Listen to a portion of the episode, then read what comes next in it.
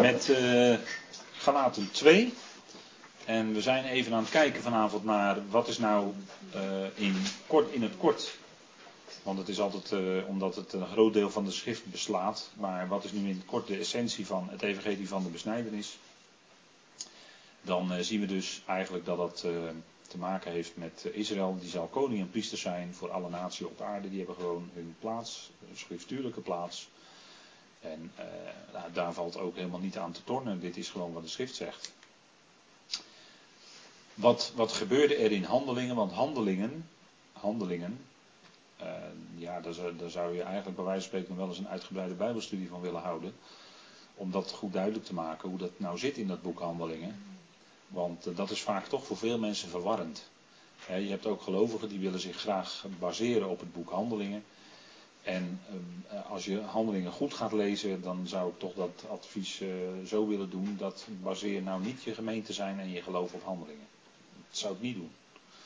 Want waarom niet? Omdat in het boek Handelingen gaat helemaal over de voortgang van het evangelie van het koninkrijk.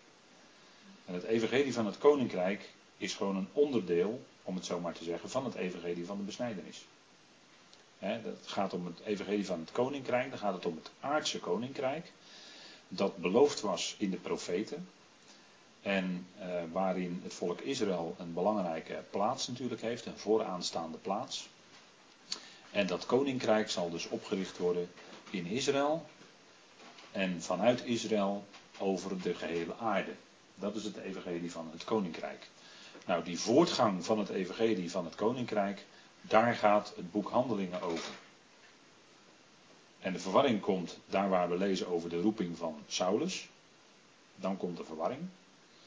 Maar wat Saulus doet, of althans, ik moet het zo zeggen, wat opgetekend staat in handelingen over Saulus Paulus, heeft ook te maken met het evangelie van het koninkrijk.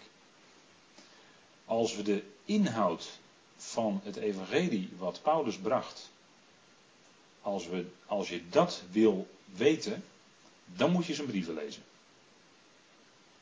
Dus de inhoud van het evangelie wat Paulus bracht, staat in zijn brieven. En voor zover dat wat Paulus doet en spreekt, en wat opgetekend staat in het boek Handelingen, dat heeft te maken met de voortgang van het evangelie van het koninkrijk.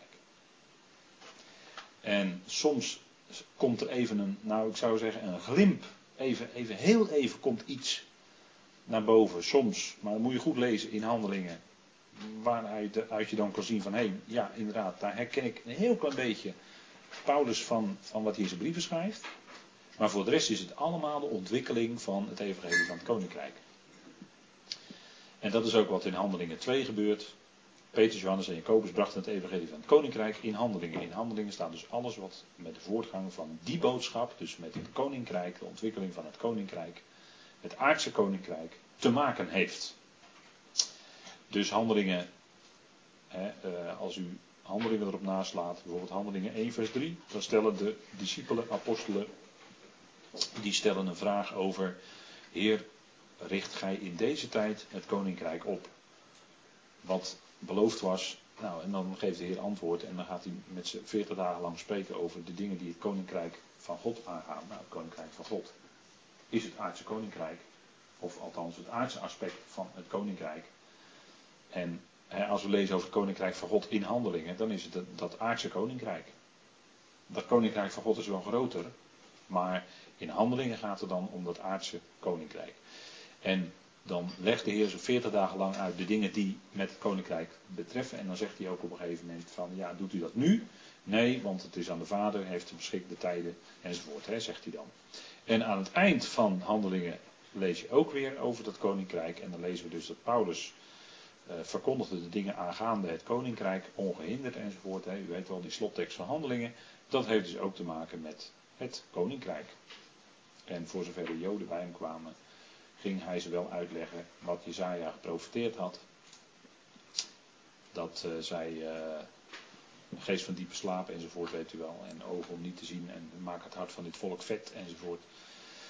dat soort zaken. Dat heeft hij met hen besproken. En we zien ook aan het eind van handelingen dat de Joden dan bij hem komen in Rome. En dan spreekt hij met ze en dan gaan ze al twistend geloof ik, als ik het goed zeg, gaan ze uit elkaar. dat, uh, maar goed, dat is even het boek Handelingen. Voortgang van het koninkrijk. Dus we zien even twee lijnen. Petrus, Johannes, Jacobus, de twaalfen. Het evangelie van de besnijdenis. En Paulus, Barnabas, Timotheus, Silvanus, Titus, onder andere, ik heb maar wat namen erop gezet. Het evangelie van de voorhuid. Dus van de onbesnedenen, van de heidenen. Rechtstreeks de boodschap. En Paulus verkondigde dat aan alle naties.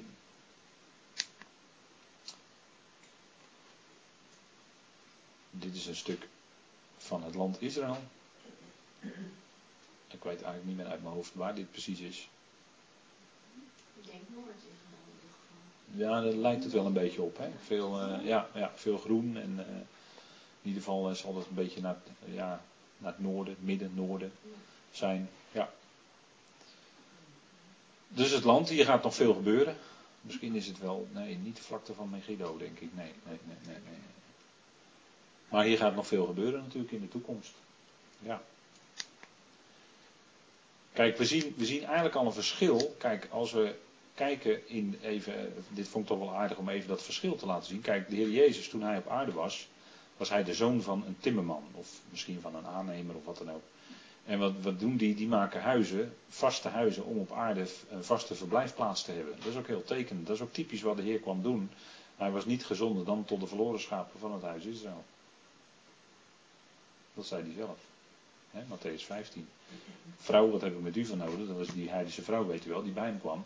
Toen zei, zei hij, uh, ik ben niet gezonden dan tot de... Uh, hij zei eigenlijk niks tegen die vrouw. Want, hij zei tegen de discipelen, ik ben niet gezonden dan tot de verloren schapen van het huis Israël. Dat was zijn missie hier op aarde.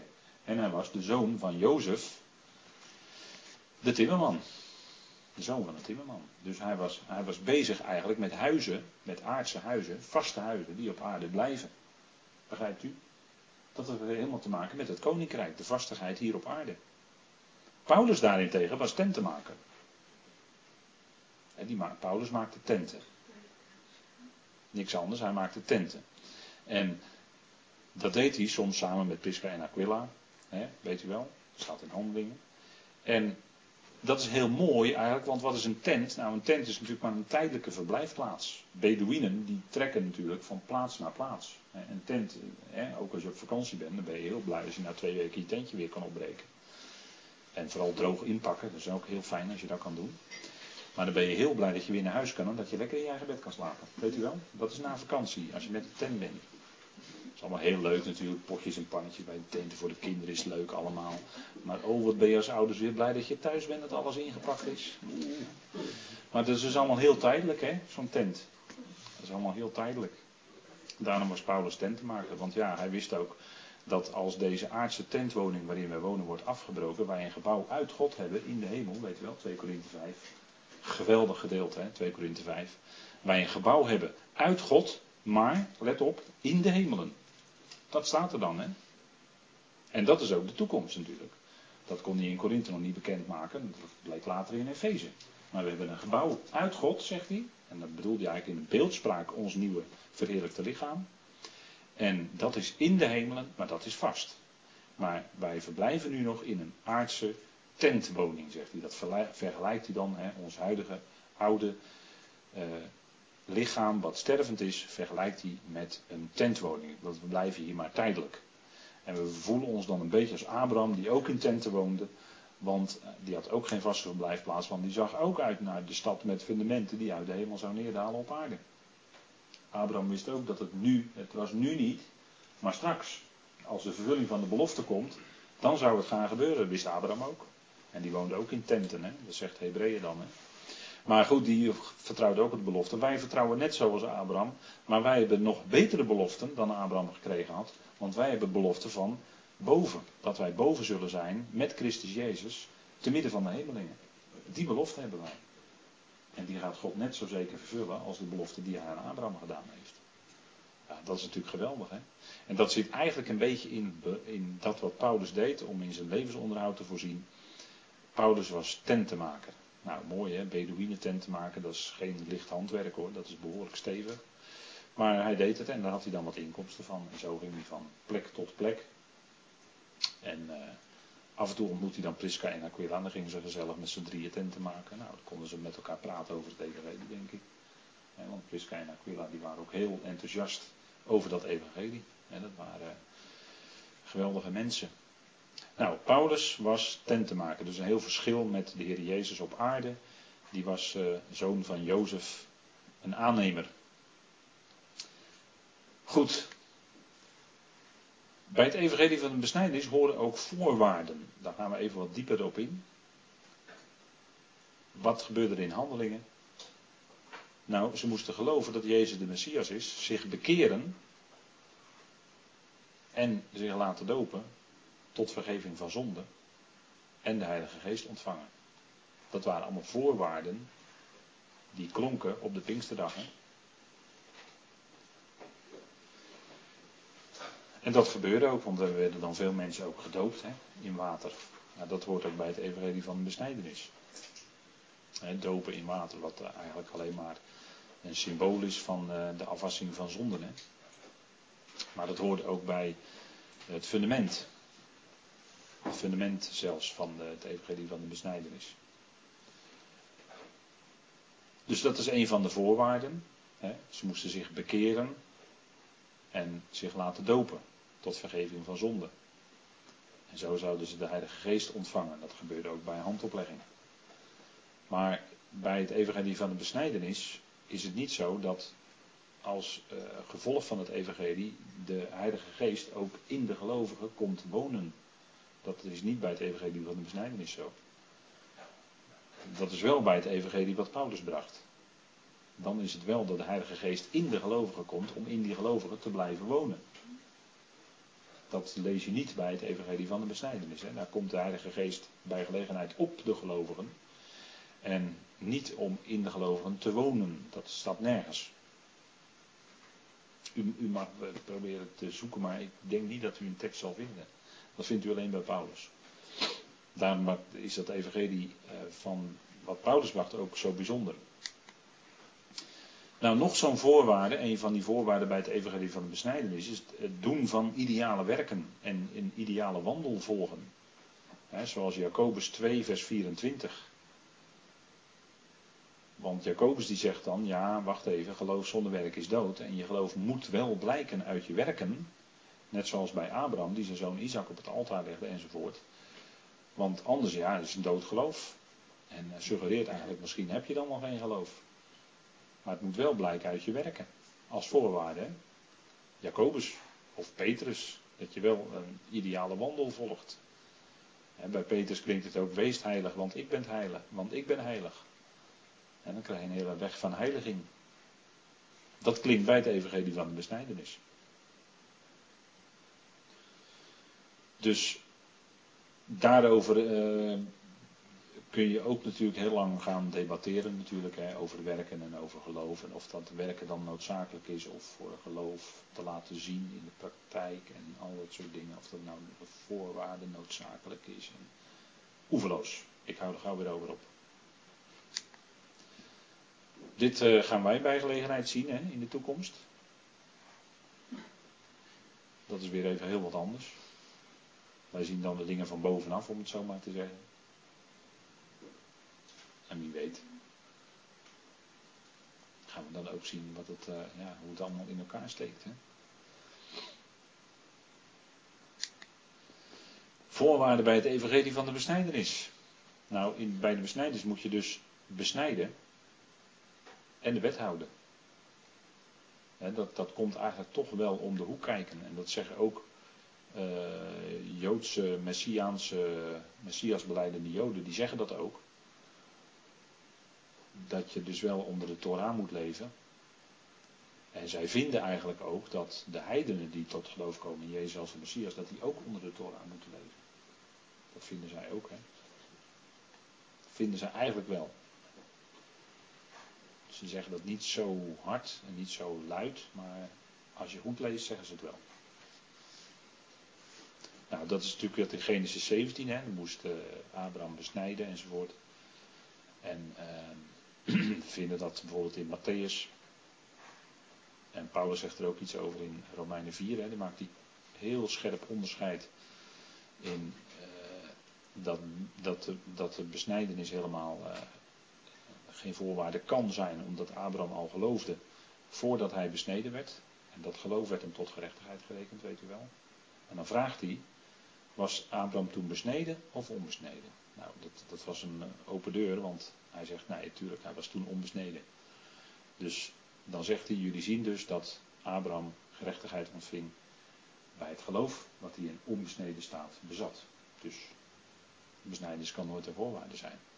Maar als je onder de wet gaat leven en je gaat bijvoorbeeld de Shabbat houden en je gaat je bijvoorbeeld aan de spijswetten houden van de, van de Torah, dan eigenlijk moet je consequent zijn en moet je eigenlijk ook laten besnijden.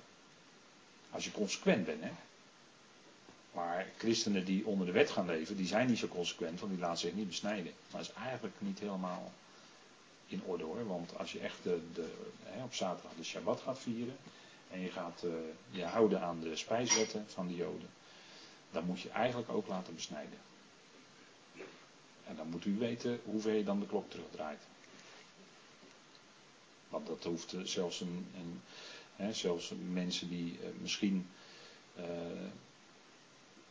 die niet nou, mensen die niet besneden zijn, ja, dat is gewoon, dat is in handelingen 15 al beslist natuurlijk. Maar goed. Kijk, als, je dus, als er dus discussies komen over of je dan wel of, of, de Torah, hè, of de Torah wel of niet nu nog van toepassing is, of die wel of niet geldt, en daar begint dan altijd eerst de discussie mee. En als mensen dus gaan discussiëren over de Torah, of die dan wel of niet nu nog zeggingskracht heeft, ja of nee, als men een discussie begint, dan moet u even gelijk zelf doordenken wat, wat uiteindelijk het einde is van waar ze naartoe willen. Dat is dat jij onder de wet gaat leven. Als er dus iemand een discussie begint, is het einde daarvan dat jij onder de wet moet gaan leven. als iets over de wet. Reken maar voor yes dat het zo werkt. En dan haalt men bijvoorbeeld deze tekst graag aan uit Matthäus 5. Want daar zegt de Heer Jezus, in de vertaling zegt hij meent niet, maar goed, ik heb het vertaald met leidt niet af. Hè, trek niet de conclusie dat. Ik gekomen ben om de wet of de profeten te ontbinden.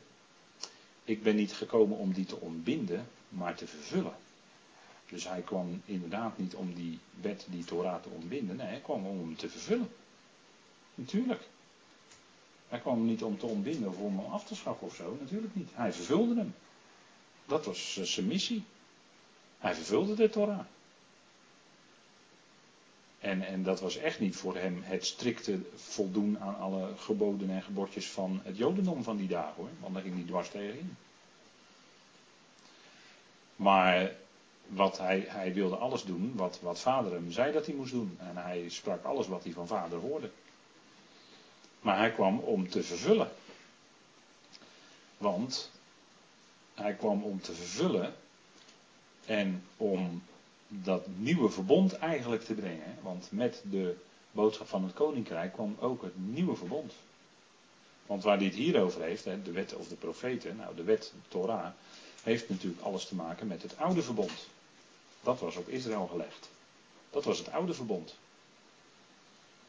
En op een gegeven moment heeft hij dat ook vervuld. Maar toen was het ook vervuld. En als iets vervuld is, dan is het vervuld. Begrijpt u wat ik bedoel? Dan is het vervuld. Dan hoeven wij niet vervolgens nog eens een keer te gaan vervullen. Maar hij heeft dat gedaan. Begrijpt u? Dus kijk, en dan vooral deze tekst, hè. Want voorwaar, ik zeg u, totdat de hemelen en de aarde voorbij gaan, zal er niet één jota of één titel van de wet voorbij gaan, totdat het alles is geschied.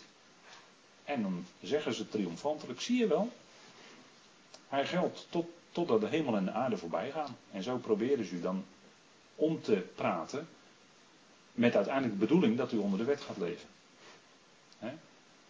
Dus ik, ik vertel nu even hoe zo'n discussie dan verloopt. Het kan jaren duren hoor, zo'n discussie. Maar het eind van het liedje is dat jij onder de wet moet gaan leven. En eh, dit klopt natuurlijk. Alles wat in die Torah staat, moet ook vervuld worden. En dat, dat, daarom blijft die staan totdat de hemelen en de aarde voorbij gaan. Maar als we nu inhoudelijk gaan kijken, van wat de werkelijke bedoeling is van de wet en van de Torah. De wet werd op het vlees gelegd. Op de oude mens. En die oude mens bleek niet in staat om aan die wet te kunnen voldoen. Wie kon er wel aan voldoen? De Heer zelf. Die voldeed het wel. Romeinen 8, hè? dat hebben we behandeld. De eerste verse. Hij kwam in de gelijkheid van, in de gelijkheid van het vlees der zonde. Hij zonde er zelf niet hoor. Maar er staat, hij kwam in de gelijkheid van het vlees der zonde. En heeft zo de zonde veroordeeld in het vlees. En hij heeft die met daarmee, die Torah, daarmee ook volbracht. En toen hij zei, het is volbracht aan het kruis, toen was dat dus vervuld, toen was dat volbracht. En die wet, die, omdat die verbonden is met deze oude schepping, en in de oude schepping op het vlees gelegd is, daarom staat dit hier. En dit is natuurlijk helemaal waar, wat de Heer hier zegt. totdat het alles is geschied. Maar hij zei op een gegeven moment, het is geschied, het is volbracht. Kijk, en weet u wat Paulus nou laat zien? Paulus laat zien dat die hele mensheid dus samen met Christus gestorven is. 2 Korinthe 5, hele bekende tekst. Hè? Indien één voor allen gestorven is, zijn zij allen gestorven. Dus die hele mensheid is met hem gestorven aan het kruis. En is ook met hem begraven. Nou, die wet die was op de oude mens gelegd.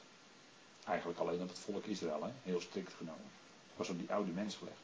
Maar nu die oude mens blijkt te zijn gestorven, vanuit God gezien, hè? blijkt te zijn gestorven. Wat heeft die wet dan nog te zeggen? Die was alleen maar op de oude mens gelegd. Die hele mensheid is gestorven, dus die wet is helemaal niet meer van toepassing. Ja, hij is er wel, hij staat geschreven. En de dingen die eventueel profetisch nog vervuld moeten worden, dat zal allemaal gaan gebeuren. Dat is waar. Maar die hele mensheid is gestorven. Maar de, die wet die heeft alleen maar zeggenskracht over de mens zolang als die leeft. En als die mens gestorven is, is die wet dus helemaal niet meer van toepassing. Want die geldt alleen maar over de levende oude mens. Dus als je zo gaat kijken, dan geldt die wet eigenlijk voor niemand meer vandaag de dag. Want die hele mensheid is met Christus gestorven aan het kruis. Ik hoop dat u een beetje kunt volgen wat ik, eh, wat ik, eh, wat ik bedoel. Waar ik het over heb. Want we kunnen het toch wel even lezen, want ik bedoel eigenlijk Romeinen 7. Daar heb ik het nu over. Romeinen 7.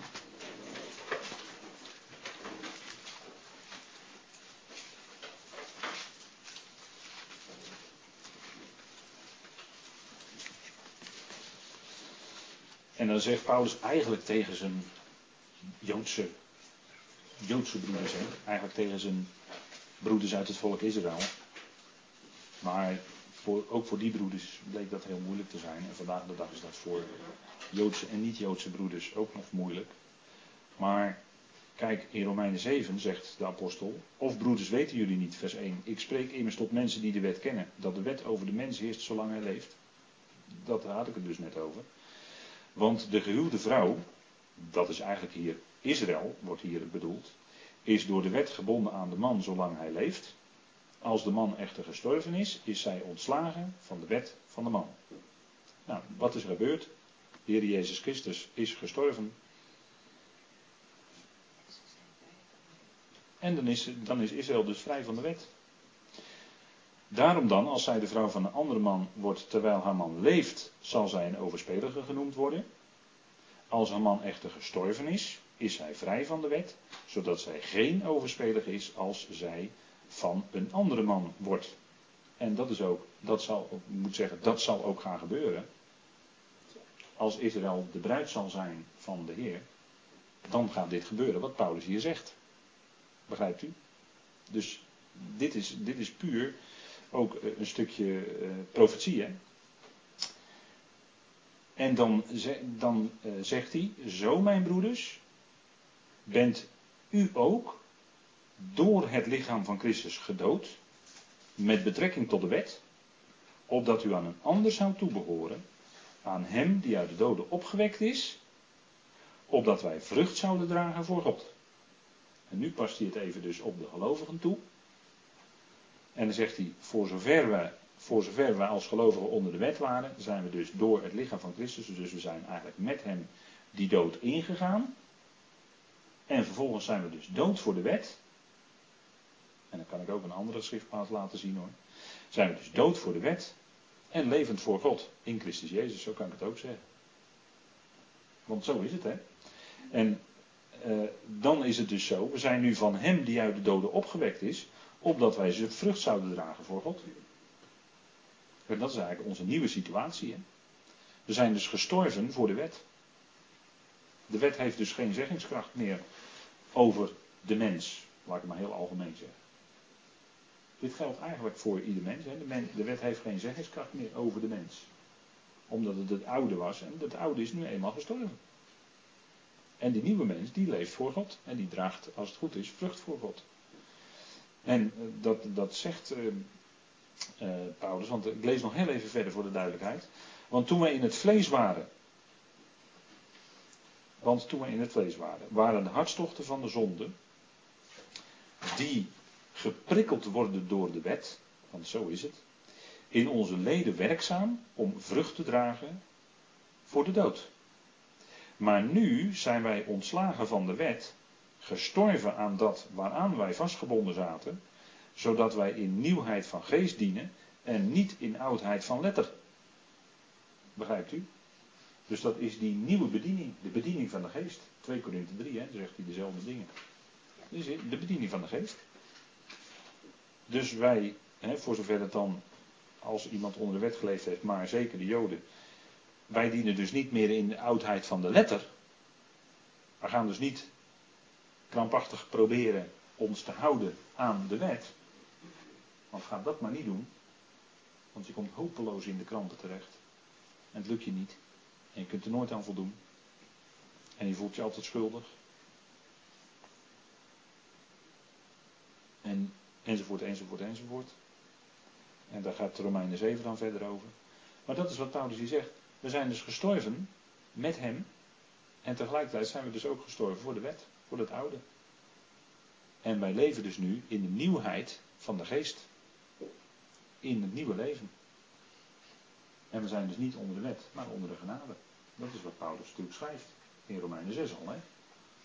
We zijn niet onder de wet, maar we zijn onder de genade. dat maakt ons niet tot wetteloze mensen. Daar gaat het niet om. Dat maakt ons niet tot wetteloze mensen. Wel nee. Wij volgen de principes van het nieuwe leven in Christus. De principes van de nieuwe schepping. Die volgen wij. En dat is eigenlijk van een hogere niveau dan het strikt voldoen aan de wet. Of je te proberen houden aan de wet. Van niet dit en niet dat en niet dat en niet dat. Maar voor ons is het van binnenuit het anders willen. Of het niet meer willen. En dat is heel anders dan wat iets opgelegd wordt wat zegt van je mag dat niet. Want ga dat maar proberen. Dat lukt je niet. Ga dat maar proberen uit jezelf of hoe dan ook. Het lukt je niet. Je komt in een vicieuze cirkel terecht. En je wordt naar beneden getrokken in allerlei schuldgevoelens en noem maar op. Maar in de nieuwe, hè, dat nieuwe leven van Christus in ons, dat zorgt ervoor dat wij anders willen en daardoor ook anders uitwerken in ons leven. Zowel het willen als het werken werkt Hij in ons uit. En dan ontdek je dat je daar als het ware bovenuit komt. Je staat dus niet meer onder datgene wat jou veroordeelt, maar je komt er door zijn geest, kom je daar bovenuit. En dan is het ook die liefde van God die in je werkt, zodat je van binnenuit zegt, ja, maar dat wil ik niet. En dan heb je, en dan wonderlijk, het wonderlijke is ook, dat je het ook niet doet ook. Want je wil het niet van binnenuit en dan, dan gebeurt het ook niet meer. En dan doe je het ook niet. En dan ontdek je eigenlijk van, hé, hey, nu is er eigenlijk iets anders, een andere kracht in mij aan het werk, die mij zo uitwerkt dat ik voor God welgevallig kan leven. En dat is niet iets om onszelf op te beroemen, maar dat is om Hem te danken dat Hij die vrucht in ons werkt tot zijn eer. Want dat, eh, dat kunnen we niet uit onszelf. Nogmaals, ga het alsjeblieft niet uit jezelf proberen. Maar leef dat nieuwe leven wat God je gegeven heeft in Christus. Nou, dat, is, dat is eigenlijk het. Ja, hoe moet je dat nou zeggen? Sommigen zeggen dan dat is het geheim. Hè? Dat, uh, nou ja, geheim, dat klinkt zo geheimzinnig, maar dat is het helemaal niet. Het is juist iets wat je dan ook van binnenuit vreugde geeft. En dat is dat nieuwe wat in ons werkt, tot zijn eer. De vrucht van de geest. En een vrucht die groeit, die groeit eigenlijk als vanzelf. Daar hoef je niet aan te werken, maar die groeit als vanzelf van binnenuit. Vandaar dat Paulus ook in Galaten 5 de werken van het vlees zet tegenover de vrucht van de geest. Want het vlees wil graag aan iets werken. Met alle mogelijke inspanningen. Maar iets tot stand brengen. Iets, uh, noem maar op. Doe maar alle dwarsstraten op. Maar de vrucht van de geest is iets wat groeit van binnenuit. En, en dat is de vrucht die werkelijk is tot zijn eer. Nou, dat, dat is het verschil. Hè? Maar ik denk aan de hand van Romeinen 7 dat het gewoon, even heel kort dan, maar daarin wordt heel duidelijk dat wij dus absoluut, omdat wij met Christus gestorven zijn en begraven, dat wij dus eigenlijk niet, hè, dat wij dus eh, dood zijn eigenlijk, hè, gestorven zijn eigenlijk voor die wet, voor dat oude. En wij leven dan in de nieuwheid van de geest. Nou, goed. Dus um, deze tekst uit Matthäus 5, want daar kwam ik dan vandaan. Uh, die kun je dus, uh, ja, dat kunnen mensen dus makkelijk aanhalen. Maar goed, dat is uh, iets wat, wat de Heer zegt om te laten zien. hij heeft het vervuld. Maar op zich dat woord van God, die wet, die onderwijzing, die blijft staan. Alleen hoe dat zich verhoudt tot mensen, en ons, zeker wij die het evangelie van Paulus kennen. Ja, dat, dat, eh, dat ligt toch op een bepaalde manier anders. Hè? Goed, en dan uh, gaat de Heer nog even verder over dat koninkrijk van de hemelen. Gaat hij eigenlijk in op wat hij gaat zeggen in die zogenaamde bergreden hè, van Matthäus 5 tot 7. En uh, daarin laat hij zien dat, even in verhouding tot het oude verbond, hè, de wet, dat bij de Joden geldt ook dan vaak ja, de, de, de, de daad, hè, dat wat iemand daadwerkelijk doet, wat te zien is, wat, wat, uh, wat zichtbaar is, dat is dan te veroordelen. Maar de Heer Jezus maakt dan duidelijk, hè, hij zegt steeds van jullie hebben gehoord dat er gezegd is, maar ik zeg jullie. En dan maakt hij het nog veel en dan gaat het nog veel verder. En dan zeg je, als je dat gelezen hebt, ja, wie kan daaraan voldoen? Nou, daar kan niemand aan voldoen. Want bijvoorbeeld één voorbeeld, de wet zei, gij zult niet doden. En dan zegt de Heer in de bergreden, Zelfs als je maar in je gedachten, als je maar in je gedachten je broeder zou haten, dan heb je in feite dat gebod al overtreden. En heb je nog niks gedaan met je handjes.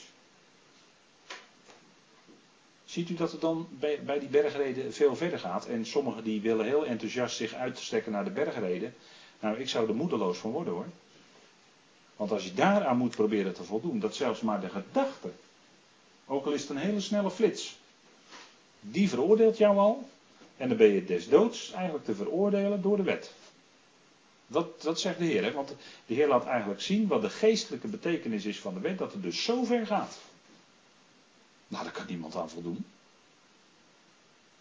En ik denk dat niemand hardop zal durven zeggen van ik kan er wel aan voldoen. Want dan, nou, dat gaat, gaat, gaat hem echt niet worden hoor. Echt niet. Nee, dan is het zelfs maar de gedachte even. Dat is, daar kan nooit iemand aan voldoen, toch? En dan, dan begrijp ik niet dat er mensen zijn die zeggen van ja, maar wij moeten eigenlijk de bergreden, dat is hartstikke fijn, er moet dus op uitgesproken worden, dit en dat, want dat is zo geweldig. Jongens, ik ga er niet eens aan beginnen. Ga daar maar niet aan beginnen hoor.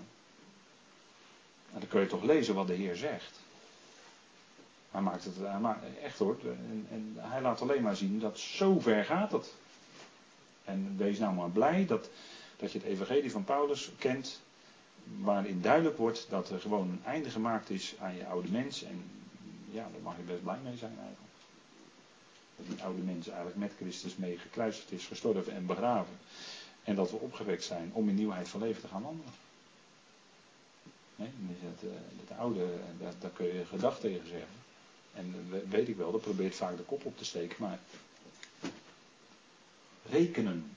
Paulus leert ons te rekenen. Reken nou zoals God rekent.